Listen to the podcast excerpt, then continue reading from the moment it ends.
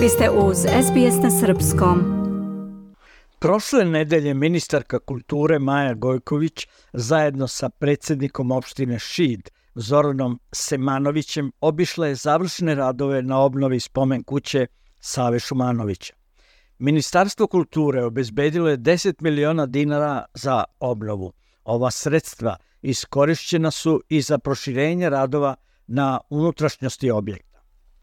Ministarka kulture je istakla da je spomen kuća Save Šumanovića izuzetan spomenik za čitavu državu i kulturno blago opštine Šid. Zatim je kazala.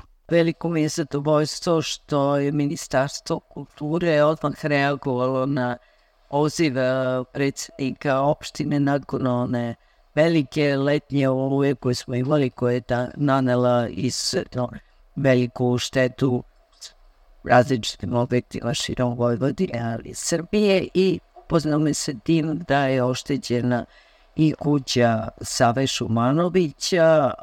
Promptno smo reagovali, stvojili 10 miliona dinara. Drago mi je da rekonstrukcija ide po planu, da će uskoro biti sve završeno. Videli smo da je rađi krov, da se završava a, fasada, ali naravno iskorišćene prilike u okviru tih sredstava i nedostajućih opštinskih da se radovi prošire i na uh, unutrašnjosti, bit će mi, ove kuće, bit će mi veliko zadovoljstvo da zajedno dođemo ovde i otvorimo uh, vrata za posetioce svih građana građanke Vašida, ali mnogo brojnim uh, turistima iz našeg regiona i čitave države, jer ja kažem u ima jedan izuzetan kulturni kulturno-turistički potencijal, a to je da na jednom manjem prostoru ima toliko značajnih spomenika kulture, galeriju Save Šumanovića koju sam pomalo i zaljubljena kao i, i a, svi oni koji znaju dobro rad Save Šumanovića i Lijanov, dakle ovde postoji uh, muzej marginalne i naivne umetnosti koja je izuzetno cenjena E, takva vrsta umetnosti u čitave Evropi, svetu. Danas, dakle, imamo jedan kulturni biser koji zajednički treba da iskoriste. Srpski slikar Sava Šumanović rođen je u Vinkovcima 1896. godine. Kada je imao četiri godine, porodica se preselila u Šid. Smatra se jednim od najznačajnijih slikara srpske umetnosti 20. veka – Njegov opus obuhvata 800 slika i 400 crteža i skica. Uvršten je u 100 najznamenitijih Srba.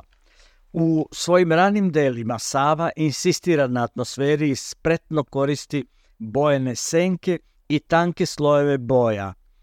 Pored slikarstva bavi se ilustracijom, grafikom i scenografijom.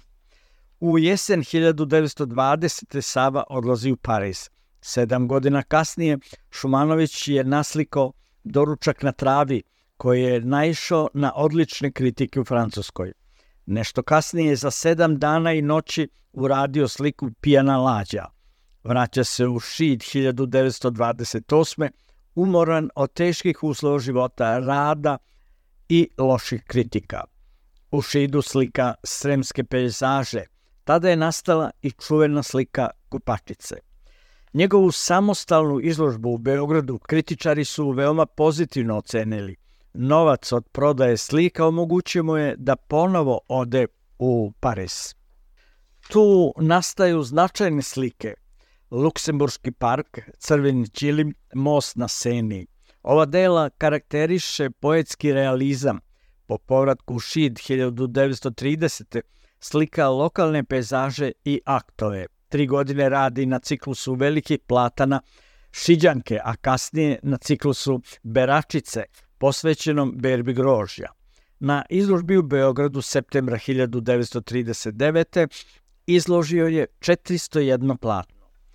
Za vreme drugog svetskog rata Šid ulazi u sastav nezavisne države Hrvatske – i Čirilica je zabranjeno pismo, pa se Sava iz protesta ne potpisuje, već samo označava godinu nastanka slike. Na Veliku gospojinu 28. augusta 1942.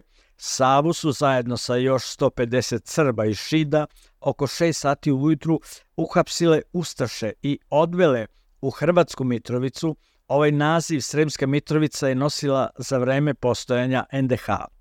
Svi oni su posle mučenja streljani 30. augusta i sahranjeni u zajedničku masovnu grobnicu. Njemu u čast ustanovljena je slikarska nagrada Sava Šumanović. Povodom 125 godina od rođenja objavljena je 2021. poštanska marka u Srbiji posvećena Savi Šumanoviću. O Šumanovićevom životu snimljen je 2023. godine dokumentarni film Svetlost i senke. Film je osvojio osam nagrada, uključujući nekoliko nagrada za kratki dokumentarni film u Aziji. Iz Beograda za SBS Hranislav Nikolić. Želite da čujete još priča poput ove? Slušajte nas na Apple Podcast, Google Podcast, Spotify ili odakle god slušate podcast.